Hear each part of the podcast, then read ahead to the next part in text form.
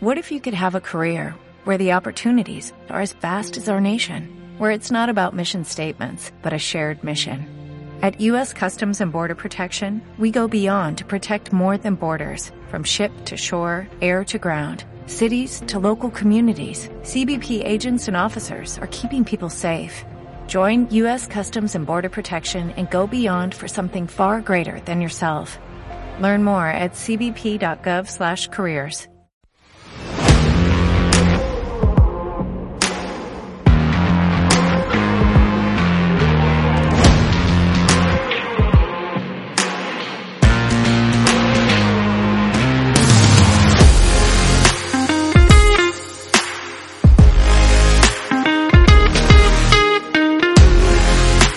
què tal? Com estem? Malalts de neu, fanàtics de la neu, fanàtics de la muntanya. En català, sempre, això sí. Què tal, com estem? Uh, Carri, com estàs? Molt bé, molt bé, molt bé. La veritat és que... Bueno, ja, ja...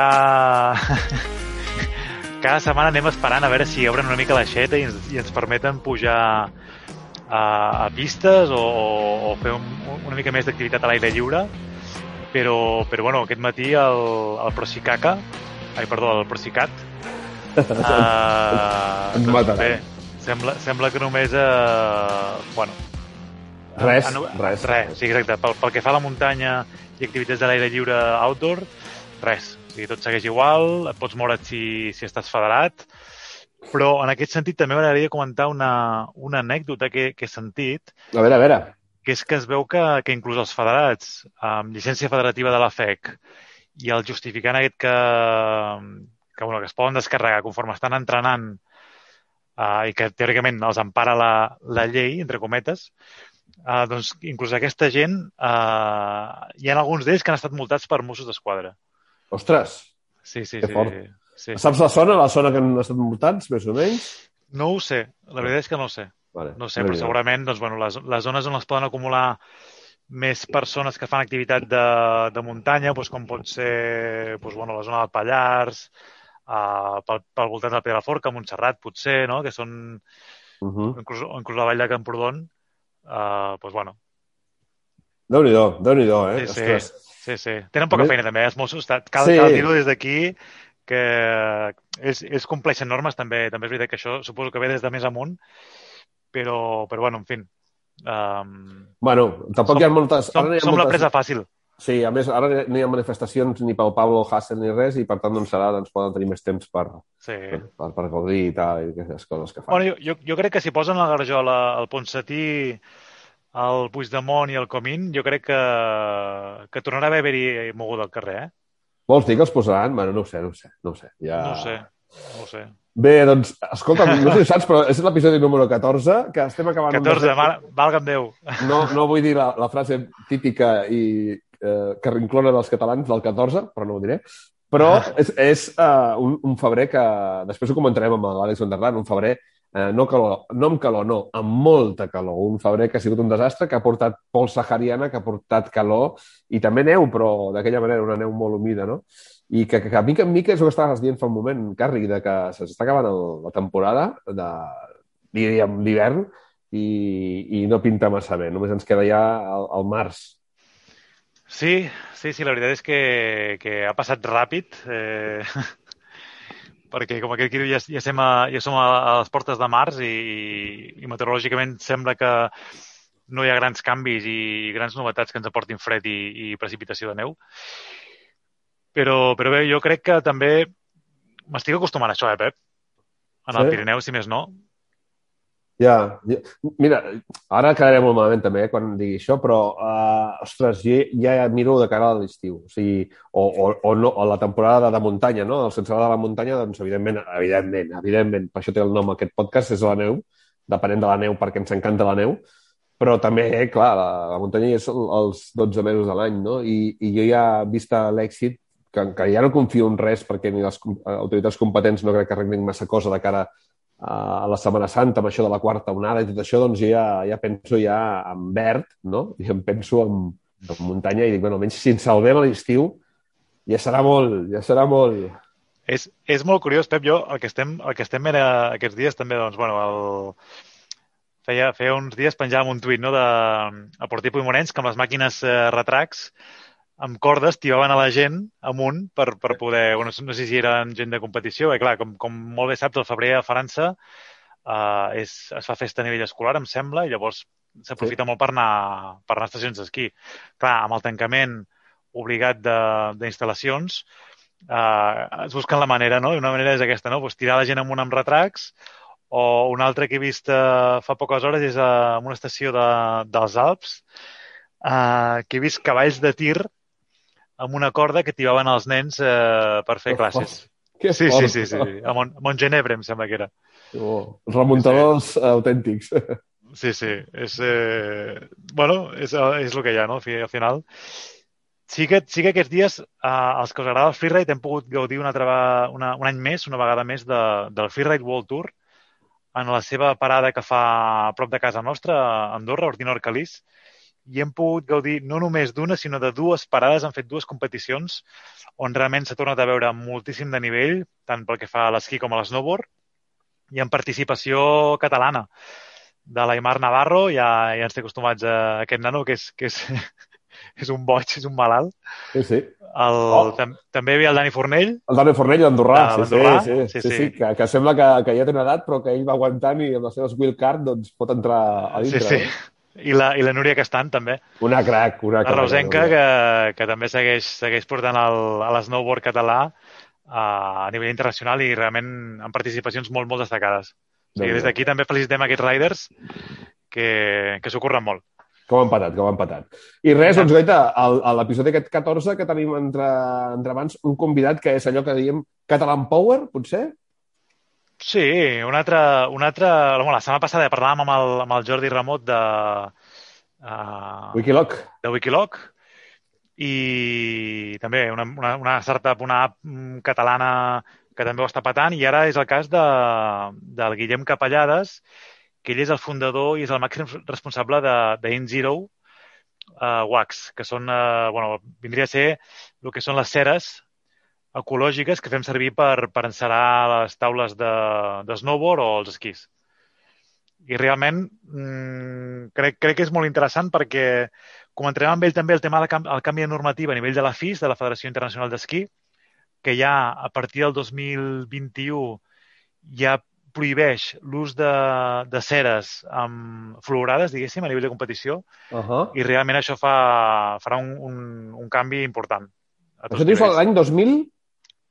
Ah, s'havia d'aplicar l'1 de juliol del 2020, però uh -huh. es veu que hi ha una limitació en quant al tema del...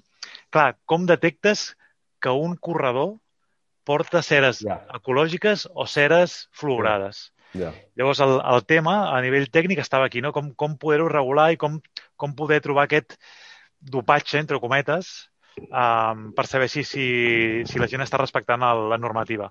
Llavors jo crec que per aquest motiu, bueno, potser també pel tema del Covid i, i té també alguna cosa a veure, ho han posposat fins l'1 de, de juliol del 2021. O sigui bueno, que bueno. aplicarà per temporada 2021-2022. Perfecte, genial. Sí, sí. I, I esperem que cada cop més siguin els, els, eh, els usuaris de neu, sigui quina sigui la seva disciplina, que, que realment es passin a les serres ecològiques perquè molts de nosaltres no ho sabem, però l'empremta que deixem a la muntanya Uh, clar, aquesta cera fluorada, quan es, quan es fon amb el fregament amb la neu, passa a, a, a l'aigua i aquesta uh -huh. aigua, clar, va, va corrent cap als rius i els rius, pues, eh, llacs o mars. Carai, està bé, I, està bé. Sí, sí, són coses, cosetes d'aquestes que, no, que a vegades no tenim prou, prou consciència, però que realment també són petits canvis que... Bueno, de fet, això, el, el, el, un, no sé si ho sabeu, no sé, aquí és el moment ranci o d'històric, eh? El Capitán Siam, se'n recordeu, el Capitán Home, Siam? Vale? Els petits canvis són poderosos, no? Ah, exacte, els petits canvis són poderosos. I a més, no sé si saps, el Pep Parés, que havia sigut el fundador de la Pirena. Ah, hòstia, no. Sí, sí, sí. Doncs és, uh, va lligat amb la neu i amb la muntanya amb l'ecologisme. Fixa't tu. Que bo. Sí, sí. No sabia. Doncs sí, sí, aquí està la cosa. Doncs res, tu, escolta, parlarem ah. uh, amb el Guillem i també, evidentment, amb la previsió de l'Alex Vanderland, a veure de cara que bueno, farà un comentari, farem, li farem una preguntes de, sobre com ha anat aquest mes de febrer i com esperem que vagi aquest gloriós eh, març que de sempre hi ha la nostra nevada, Carri, la nostra nevada, que és la nostra nevada de Sant Josep, que no falla mai i que ja pot haver molt canvi climàtic que no falla mai, espero. I, i bueno, no sé, ja parlarem a veure què ens diu. Espera, vale? esperem, que, esperem que la primavera sigui benèvola amb el, amb el Pirineu i que ens deixi alguna alegria de fi de temporada, perquè, nano... Va, sí, que, si no... Ah, confiem. I, i avui, com que no hi ha el, el Ferri, avui no parlarem de futbol. No passa res, Carri, estàs content, ja ho sé. I tant. Ja ho saps que cabron. Aquí, la censura, aquí s'aplica censura. Estic molt en contra de la censura, però aquí, aquí hi ha censura, aquí no es parla de futbol. Que cabron. Que em tenim fins als nassos. Vinga, va, som-hi. Va, passem. Fins ara.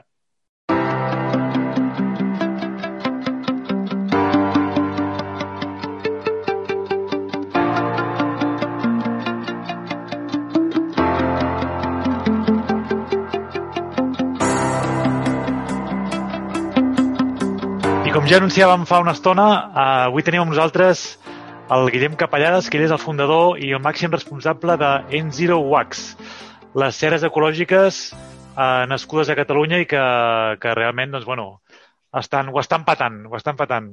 Què tal, Guillem? Bona tarda. Hola, bona tarda, què tal? Com estàs? Com estàs? Bé, bé, bé, gaudint d'aquesta temporada tan estranya que ens ha tocat viure. Sí, no? Home, suposo que també vosaltres eh, pel que fa, clar, pel que fa tot el tema de les ceres, eh, també ho esteu notant, evidentment. Hi ha, hi ha menys gent que fa ceres i cantos i llavors...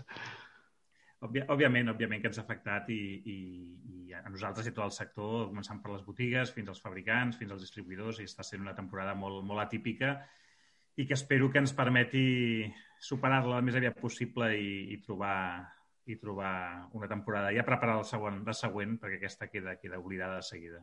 Sí. Bueno, de fet, amb, amb diferents eh, actors que hem anat parlant del món de la neu, el missatge vindria a ser una mica el mateix, eh? de, bueno, aquesta temporada és una temporada així, una temporada pont, de dir, mira, bueno, salvem, salvem el, la casa com puguem i de cada any que ve doncs ja realment de, tornem a reprendre objectius i, i difusió, el que faci falta.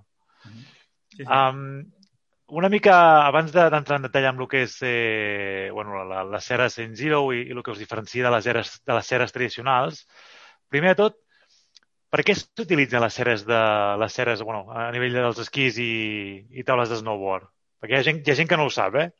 No, no, és evident. Hi ha molta gent al, al, al món de la neu que encara no, no en serà els esquís ni els porta a fer un repàs, diguem-ne, periòdic ni un mínim manteniment. I això és, es nota moltíssim quan, quan ho fas o ho deixes a fer. Home, les ceres el que atorguen és una, una, un lliscament i una qualitat a l'hora d'esquiar que realment és com si flotessis sobre la neu eh, si no vas encerat i si no tens els esquís doncs, eh, cuidats, realment eh, et pots trobar doncs, que hi hagi més retenció, que et preni la neu o que notis molt més la variabilitat de la neu, la transformació de la neu, si no els tens ben encerats i ben, i ben, eh, i ben treballats. No? Llavors, els tallers, la feina que fan doncs, és eh, admirable de, de, de tornar-te els esquís quasi, quasi com si sortissin de fàbrica, amb la qual cosa és, és meravellós poder reestrenar esquís cada vegada que vas esquiar. Això és perfecte.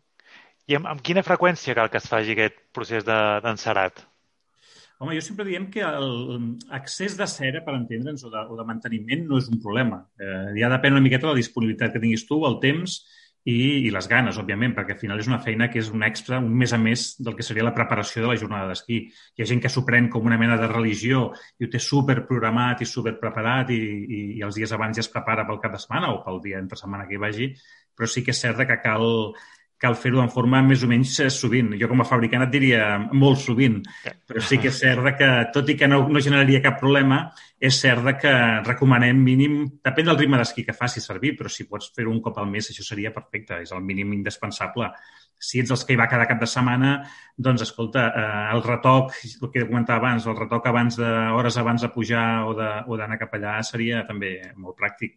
I si ets dels que lloga, òbviament els tallers s'encarreguen de fer aquesta tasca per tu. Llavors, ells periòdicament i de forma continuada, a mesura que van retornant els esquís de, de lloguer, ells tornen al procés i és un bucle fins a final de temporada. No? I escolta, Guillem, actualment quin tipus de productes pel que fa a les ceres podem trobar en el mercat? Doncs avui en dia podeu trobar bàsicament dos, dos grans camps, que seria la cera líquida o la cera sòlida, d'acord? Llavors, eh, la cera líquida seria per una, una, un ús d'aquella forma més, més eh, express, més, més que, que no has tingut el temps de preparar l'esquí o estàs a peus a pista i necessites doncs, gaudir de la, de la, del, del deslliçament o de forma, de forma immediata, o si tens el, el, el temps suficient, doncs gaudir de les ceres sòlides, que el que fan és un estaratge més, diguem-ne, professional, però requereix eh, un mínim d'eines i d'espai a casa, com seria doncs, una planxa per escalfar la cera, aplicar-ho, res, raspallar-ho, la rasqueta, etc etc. no? Mm. Eh, tots dos tenen un acabat, al final, que busques és que llisquin els esquís i ho aconsegueixen, però, òbviament, no és el mateix encerar doncs, en calent, amb temps i, i que la, la cera penetri la base, etc que no pas un encerat express, però que et dona la solució immediata amb, amb menys durabilitat del procés. I pel que fa a la composició de les ceres, perquè ara em parlaves una mica de la forma, no? d'aquesta, si és líquida o sòlida, però pel que fa a la composició de les ceres eh, també hi ha dos grans grups, no? O sigui, diguéssim que són les tradicionals que s'han fet servir tota la vida, que deriven dels, eh, del, del petroli, diguéssim, uh -huh. i les eh, biodegradables o, o vegetals. Exacte. Home, aquí és un gran, un gran uh, trencament entre el que hi havia fins ara. Uh, el que proposem nosaltres des d'en zero és una alternativa doncs, a les ceres tòxiques que diem fins ara, que hi havia basats en parafines, fluorats i altres derivats de, de, del petroli. Um, bàsicament, el funcionament d'aplicació i d'usabilitat és la mateixa, l'única cosa que les conseqüències o, la, o, la, o, les, o el, el que queda després del medi ambient, després del seu ús i la seva aplicació, doncs, evidentment, és la nit i el dia. I aquí és on en zero doncs, representa l'alternativa. Doncs a poder gaudir de la muntanya i del medi ambient, però sense contaminar-ho, això és importantíssim. Quan, quan fa que esteu... Bueno, que vau sortir al mercat i que esteu realment funcionant? Nosaltres vam sortir al mercat el 2015 i, però treballàvem amb el projecte des del 2011. El que passa que vam constituir l'empresa el 2015 i vam començar a exportar i el, treball, el mercat nacional, òbviament, i actualment ja estem a, a molts països d'Europa, hem arribat fins a Corea del Sud, al Japó aquesta temporada, i fent un incís al que comentaves tu d'aquesta temporada tan atípica que estàvem comentant al principi, per nosaltres ens ha servit moltíssim per fer una mica d'aturada i poder desenvolupar projectes que teníem al calaix pendents de disposar de temps per fer-ho. I això sí que ha sigut la part positiva. És a dir, per mi aquesta temporada ha sigut molt bona en el sentit de poder um, treure la pols a projectes que teníem a Nova Zelanda, que teníem a Japó, de gent interessada en treballar amb nosaltres, de provar les neus, les neus amb les ceres nostres eh, en aquests països. I penso que ha sigut una oportunitat molt interessant de poder doncs, eh, eh, doncs això, treure del calaix aquells projectes que, que ens feia falta i que hem aconseguit tirar endavant gràcies al, al temps disponible per poder doncs, eh, focalitzar-nos en aquestes noves coses. Sí, sí, és que, eh, de fet, això jo crec que ens passa una mica a tots, eh? que, que portem aquest ritme de vida tan, bueno, tan atrafegat que ens és difícil una mica fer aquest peron i, analitzar una mica cap on volem anar, no? Perquè estem com, allò que es diu, no? Com pollastres sense cap, no? Corrent Exacte. cap, cap, a, cap, a, cap a cap lloc. Clar, clar, llavors per nosaltres ha sigut bueno, l'excusa per poder doncs, replantejar coses i projectes que teníem aturats i, i, i reprendre'ls de nou, tant aquí com, com lluny. També el tema de buscar doncs, eh, nous comercials per a Europa, països que ens feia falta més estructura, o posar ordre a molts temes que estaven, insisteixo, sobre la taula pendents de, de tirar endavant. Pel que, pel que fa la normativa, um, si no recordo malament, la FIS, la Federació Internacional d'Esquí, uh, deia, bueno, al seu moment va dir que el 1 de juliol del 2020 tot el que fossin competicions oficials havien, o sigui, bueno, tant d'esquí alpí com de, del cross country ski, no? l'esquí de fons, diguéssim, uh -huh. havien d'utilitzar uh, ceres eh, que no tinguessin PFCs i fluorats, correcte? Exacte. Si, si no recordo malament, aquesta normativa, bueno, no sé si és per el tema del Covid o per què, però està posposat fins l'1 de juliol del 2021. Uh -huh. què, què en saps d'aquest uh, aquest canvi en, en l'aplicació de la normativa? No, no, som plenament conscients i la coneixem. Eh, no ens ha sorprès perquè realment, eh, en aquest cas, la, la, la llei o la normativa era més ràpid del que la tecnologia podia donar com a solució. El problema en el tema dels florats és com detectar que els esquís doncs, d'aquell competidor, d'aquell company de cursa, no estan adulterats en productes tòxics o en productes que llisquen més per la seva química. Això el que requeria era un desenvolupament de tecnologia i d'aparells que no es va poder arribar a complir amb els terminis que s'havien pactat i estan lluitant per arribar-hi. Veurem si realment es pot complir aquest calendari. Realment és un projecte molt ambiciós perquè estem parlant de, de, de com detectar aquesta mena de, de dopatge en els esquís dels, de la competència i això realment està portant de corcolla no només a les, a les federacions sinó als, als investigadors d'arreu. Un equip que formem part a nivell eh, europeu com a Suècia, amb els desenvolupadors doncs, ens trobem doncs, que hi ha molts, molts problemes per arribar a detectar i, i buscar un utensili que, a més, sigui eh, aprovat per totes les normatives, que totes les federacions hi estiguin d'acord, és a dir, que això implica posar d'acord a molta gent amb interessos eh, oposats, sovint.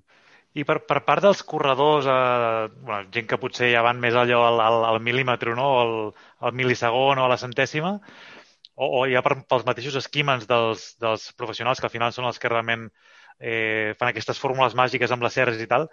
Quin, quin feedback teniu d'aquesta gent, de, de les ceres eh, ecològiques?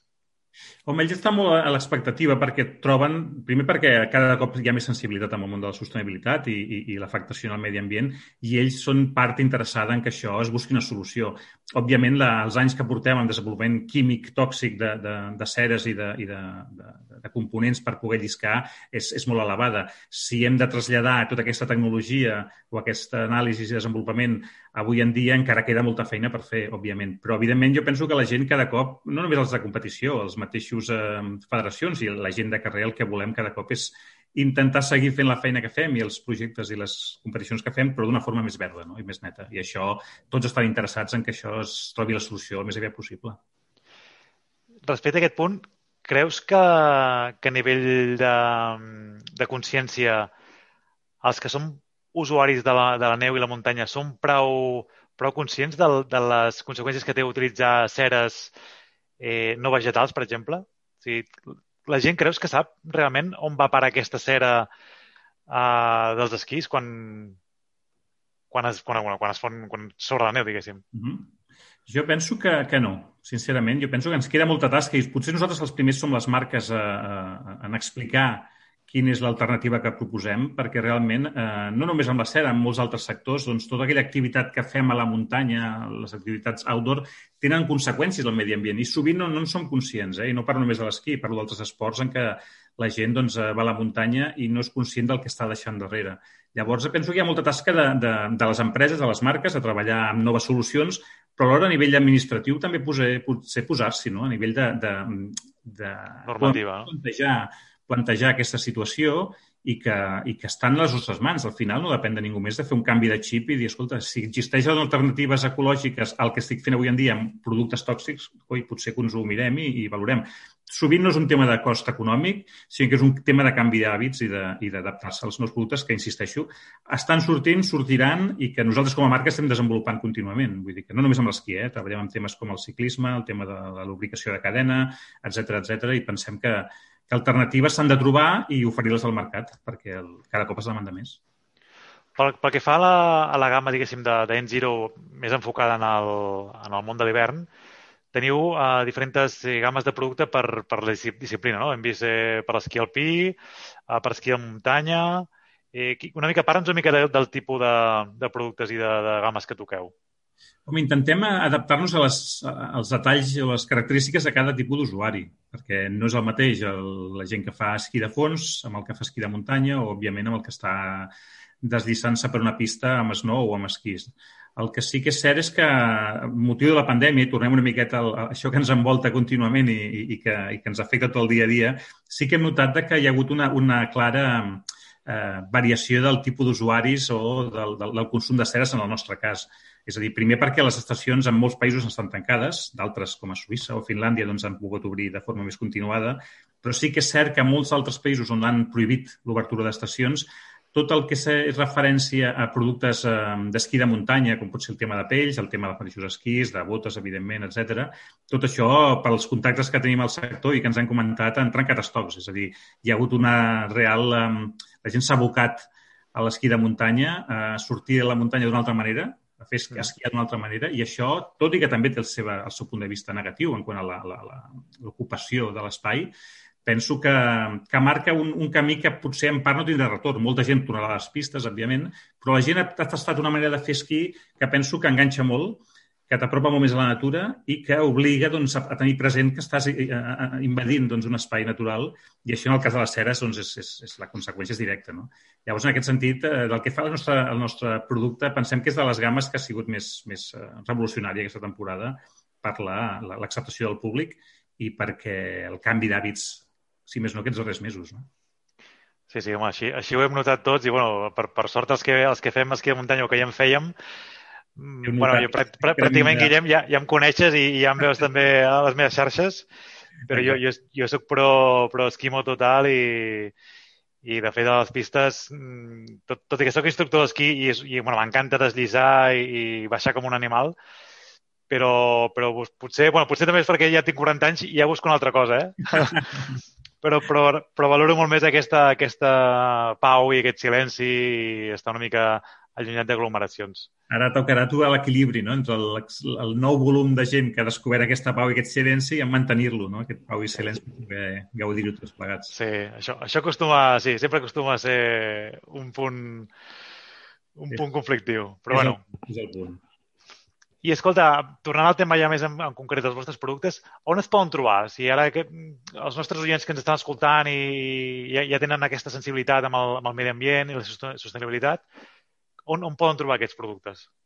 Home, avui en dia tenim, estem presents a, diversos, a, a, a diverses botigues a tot el territori català i ens podeu trobar de forma relativament fàcil. És a dir, el botigues on es distribueixi o es venguin productes de neu acostuma a tenir el nostre producte. Si no, de totes maneres, eh, sempre a la nostra web us podem dirigir el que seria la, la, la llista de distribuïdors i de botigues en què estem presents i, si no, en altres marketplaces al mercat doncs, que, que a nivell de productes d'esport doncs, també distribueixen el nostre producte. La vostra web, eh, si no recordo malament, és enzerowax.com, correcte? Mm -hmm. Molt bé. La nova, enguany hem aprofitat la pandèmia doncs, per actualitzar-la i eh, us convido a visitar-la. Està contínuament en, en, en millora i, i també a les xarxes socials on, on doncs, la gent que prova el producte, on nosaltres mateixos doncs, publiquem notícies sobre, sobre les ceres i les novetats, etc. Molt bé. Bueno, i si, no, i si, i si porteu els esquís a... Aprofitem des d'aquí, si porteu els esquís a fer en una botiga o taller, eh, demaneu perquè us facin una ensalada amb ceres ecològiques. Exacte, sí, és el que diem. És a dir, sigueu els primers, els usuaris, a, a demanar aquesta alternativa que existeix i que, i que us la poden aplicar i que la botiga mateixa, si desconeix, doncs, eh, ens pot contactar i, i, i provar-la. Molt bé, Guillem. Doncs, pues, escolta, una vegada més, un plaer tenir-te entre nosaltres. Moltes gràcies. I esperem poder-nos trobar a la muntanya. Aviam si és veritat. Aviam si és veritat. Per, per posar a prova aquestes, aquestes ceres. Seria un plaer, ja ho saps. Molt bé, Guillem. Moltes gràcies. Gràcies. Vinga, fins aviat. Adéu.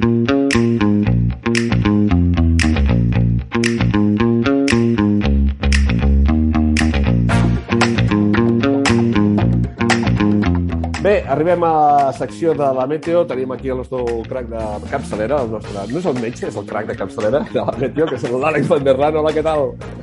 Bona tarda, com estem? Aquí lluitant, esperant que ens deixin uh, escapar de tant en tant, però bueno, ja sabem el que, el que costa aquestes coses. Bueno, ara ja la cosa ja queda un mes i mig per tancar la temporada, perquè com tots saben els nostres oients, el 5 d'abril tanca la barraca la majoria, eh, potser massa ja no, però jo crec que aquest any, com que tampoc els deixen, no crec que s'estiguin plantejant molta història més. Andorra està com està, que ja veurem si acaba obrint. França ja més val no comentar-ho, ja ho comenteu prou vosaltres. Exacte. I a sobre la meteo no acompanya. Exacte. Bueno, de fet, per una part ja va bé, perquè si no ens estaríem matant tots nosaltres, perquè si hi hagués molta neu, bueno, seria una passada. Perquè realment, aquesta setmana venim de que primer va nevar, després va ploure, després el fang saharià. Àlex, què ha passat aquesta setmana? Ha sigut un desastre, no?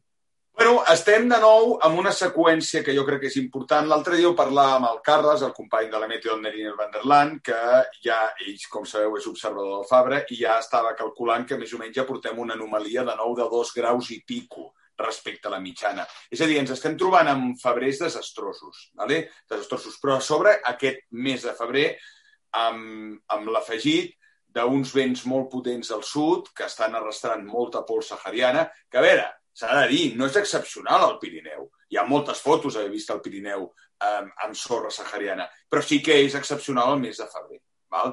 I, i, i, i molt, ho comentàvem tu i jo fora de línia, que estàvem xerrant abans de, de fer la gravació, que el que sí que ja comença a ser una cosa que per mi és preocupant és que com a mínim, gener i febrer, la neu es mantenia. És a dir, si tu tenies, per exemple, recordem, no sé, ara et puc jo posar d'exemple la Molina. Jo el dia 10 de gener me'n vaig a la Molina amb una nevada d'uns 60 centímetres. Una nevada, si normalment el mes de gener a Molina, t'aguantava tot el febrer, eh, a, a, a cap a, a 1.600, no, no una pista, però que tu veies neu a tot arreu. Tu ara avui, avui puges a Molina i traient la neu pròpiament de la pista i trepitjada, ja no queda neu en lloc eh, pels voltants. Què significa? Que la neu a sobre no aguanta. Per què?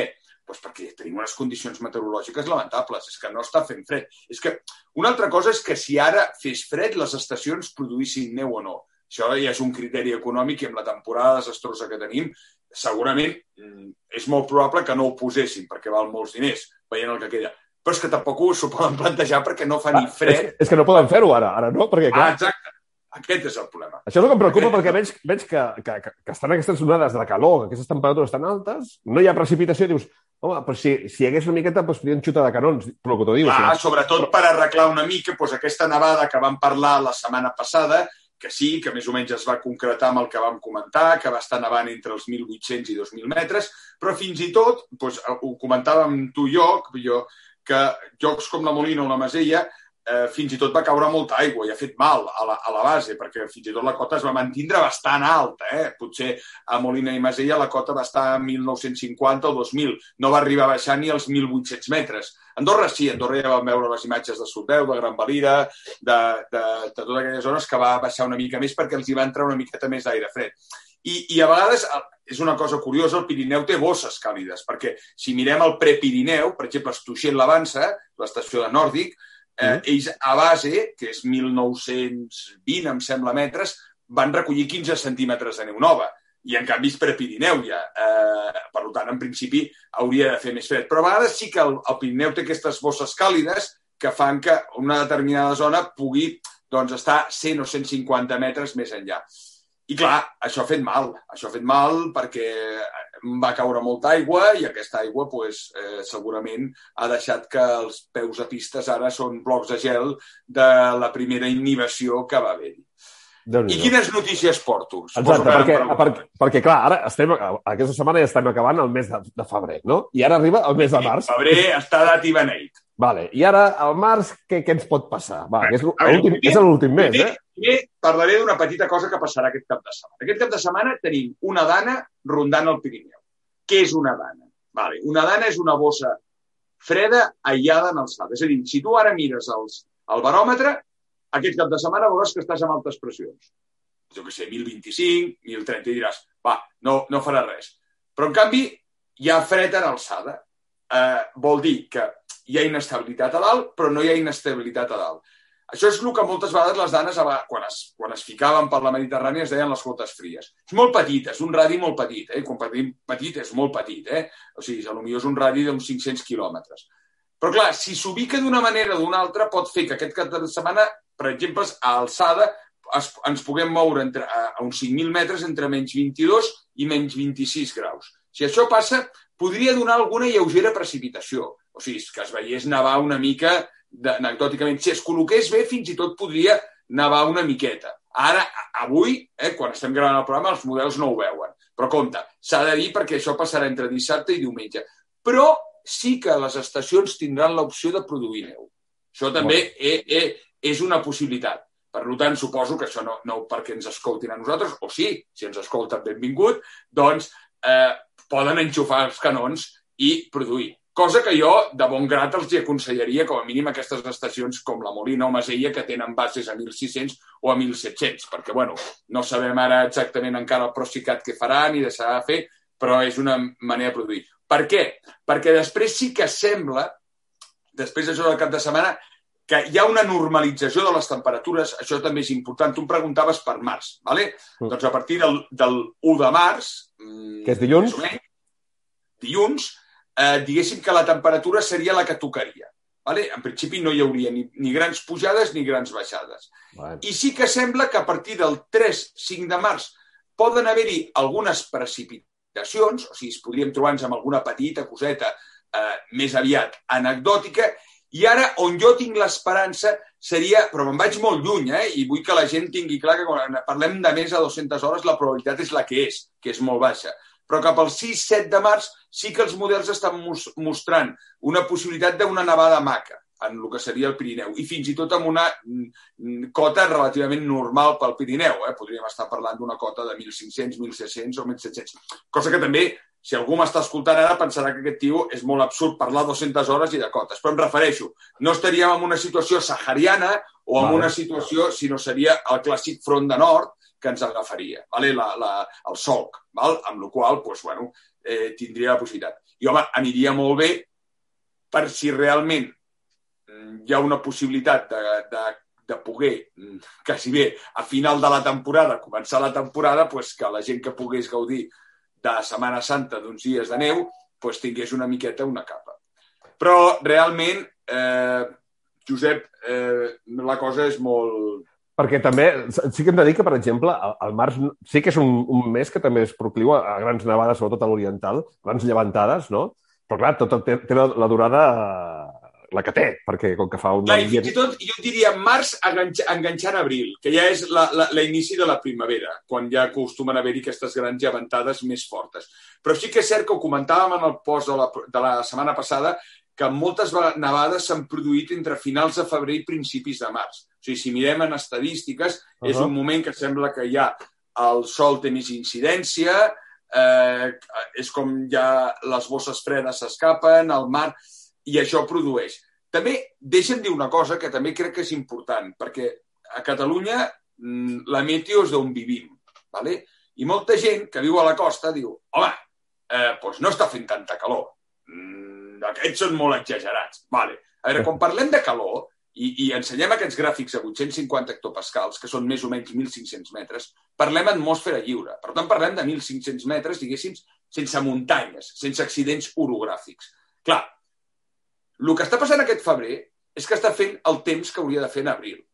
Llavors, a l'haver-hi tanta calor a capes mitges i tenim un mar de febrer, aquest mar que està molt fred, a la mínima que bufa una mica de vent marítim, que, que, que el vent marítim moltes vegades bufa, que això no vol dir una llevantada, vol dir que bufa vent marítim, arrastra un aire molt fred que està en el mar i al trobar-se en seguida a capes mitges, que són 1.500 metres, un aire tan càlid es forma nuvolositat i aquestes boires marítimes. Llavors, molta gent que està al voltant de la costa, Maresmes, Costa de Salou, Tarragona, té la sensació de dir ah, no, no fa tanta calor. No, perquè, clar, hi ha aquesta capa de núvols que llavors ha salvat una mica, però si ens fixéssim en les mínimes són escandaloses. És a dir, Va. perquè llavors ens quedem amb la màxima i mira, com que vaig amb la jaqueteta a l'anorac, no fa tant de fred. Però, en canvi, si ara avui, jo que sé, tu haguessis anat a esquiar al, al, a, haguessis anat a esquiar avui al Pirineu, sí. doncs segurament tu haguessis trobat un dia de sol acollonant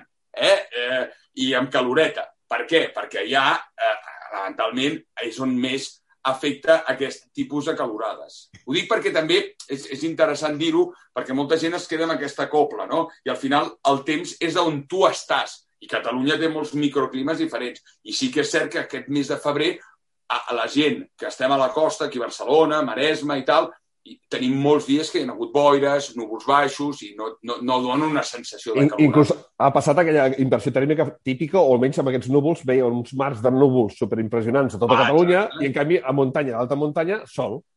Exacte. Però com que la majoria de la població vivim concentrats aquí, entre el barcelonès i tal, llavors, si aquí està tapat, doncs la sensació és que, bueno, doncs tampoc fa tanta calor. Eh, ja. Això és interessant que la gent ho, ho apreci, a vegades ho sàpiga, perquè és, vale. funciona d'aquesta manera. I la meteo té aquestes coses, tal, perquè precisament està fent, està fent una calor d'abril, no de febrer. Vale. Per això s'està produint aquest tipus de nuvolositat, perquè el mar ara està fred. Està en un mar de febrer, perquè a més va fer fred a gener, part de gener i desembre va fer fred, i va refredar bastant el mar déu nhi déu nhi ja, ja et dic jo que no anem bé, no? Però bueno, sí. Bueno, va. jo deixaria un missatge optimista eh, en el sentit de dir esperem que març faci de març, no, no donem per vençut el mes, els models moltes vegades a tantes hores canvien, i sí que és cert que, com a mínim, els models, ni que sigui, abans hem parlat del 3, 5, 6, 7, uh -huh. ens estan ensenyant la poteta. No, no uh -huh. és allò que diguis, seguim veient. I el que a mi m'interessa més que el que et deia que sí que sembla que la temperatura estarà normalitzada. Que això és molt important. Que això és molt important. De la neu. Eh? I això és aquí estem a la neu.cat, pues, i ens Més clar l'aigua. Clar que sí, clar que sí. Ah, home, és, és a l'element. Eh? A la costa, de moment, no, no nevarà. Eh, segurament és probable que l'hivern... Ara diré això i fotrà la nevada a Padre Barcelona. És probable que la, que la, la neu a cotes baixes pues segurament hem tancat la barraca, tot i que tothom recorda la famosa nevada del 8 de març. Eh? I s'ha de recordar sí, que va ser del 2010, que va nevar tant. Però bueno, o sigui, és que vol dir que pot passar però vale. sí que sembla... Però ara ens centrem una mica en el Pirineu, perquè, clar, és que també està parlant que en el mes de febrer ha nevat a 2.000 metres, ja, en perdó, és l'hòstia. Sí. Sí, sí, sí, Déu-n'hi-do, déu nhi déu hòstia. Bona, bona reflexió per acabar. Déu-n'hi-do, déu nhi déu Pues res, escolta'm, uh, Àlex, ens emplacem i creuem els dits a veure si la setmana que ve ens pots afinar ja més, si tenim molt més a prop sí. el 6-7, i a veure si hi ha sort i tenim una miqueta de moviment. Eh? Sí, creuarem els dits. Vinga, doncs, una abraçada, Maco. Fins a Una abraçada. Adéu. Adéu, adéu.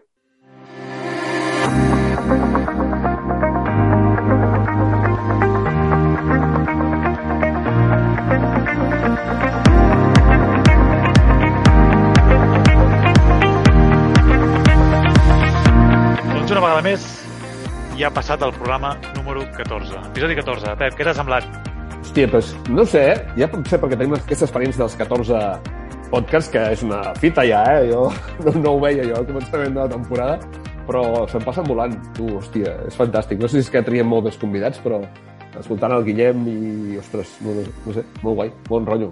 És, sí, és, és uh, esperançador i, i optimista, no? Quan veus uh, gent com el, com el Guillem amb un projecte com el de Zero, Uh, I realment això, no? ens parla d'aquesta repercussió que té, que cada cop hi ha més acceptació, estan, estan tirant molt a nivell internacional i, i cada cop són més a les, les persones usuaris que, que el que parlàvem al principi, no? d'aquests petits canvis que són poderosos. Fent, sí, que podem anar fent al nostre dia a dia, que a vegades ens semblen insignificants, però que realment tenen un, un impacte molt gran en el, en el medi ambient i a, i a la sostenibilitat.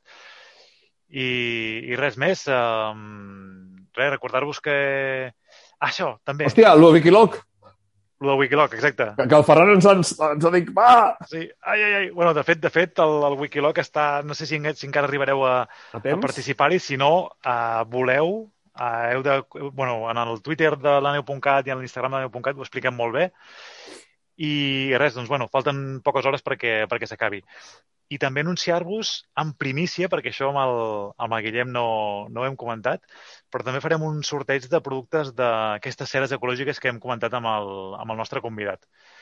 Per tant, estigueu molt, molt al lloro al loro. De, de Twitter, Instagram i, i la neu.cat perquè, bueno, és un, és un bon joguet per tenir. Oh, i tant, oh, i tant. Jo m'apunto, jo m'apunto. doncs res, recordar-vos que ens podeu seguir, doncs, bueno, aquestes eh, xarxes ja, ja les coneixeu, i a nivell de, de podcast, doncs, bueno, això, l'e-box, el Spotify, a l'Apple Podcast, o si voleu escoltar aquest programa les vegades que us vulgueu, o als programes anteriors, doncs, bueno, la neu.cat barra podcast. Genial. De fet, l'altre dia estava pensant que dic, de fet, ens n'hi ha de fàbula que la temporada d'hivern, perdó, la temporada d'estiu, és un bon moment per poder reescoltar els nostres programes perquè, no sé, és l'ambient aquest de neu, no? Ostres, està bé, està bé, sí, sí. Es pot escoltar a qualsevol hora i a qualsevol moment.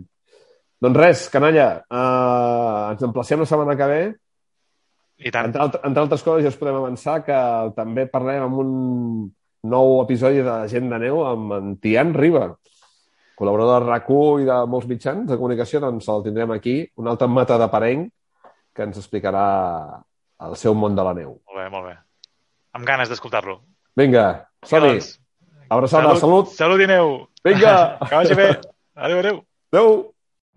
Every day, we rise, challenging ourselves to work for what we believe in. At U.S. Border Patrol, protecting our borders is more than a job, it's a calling.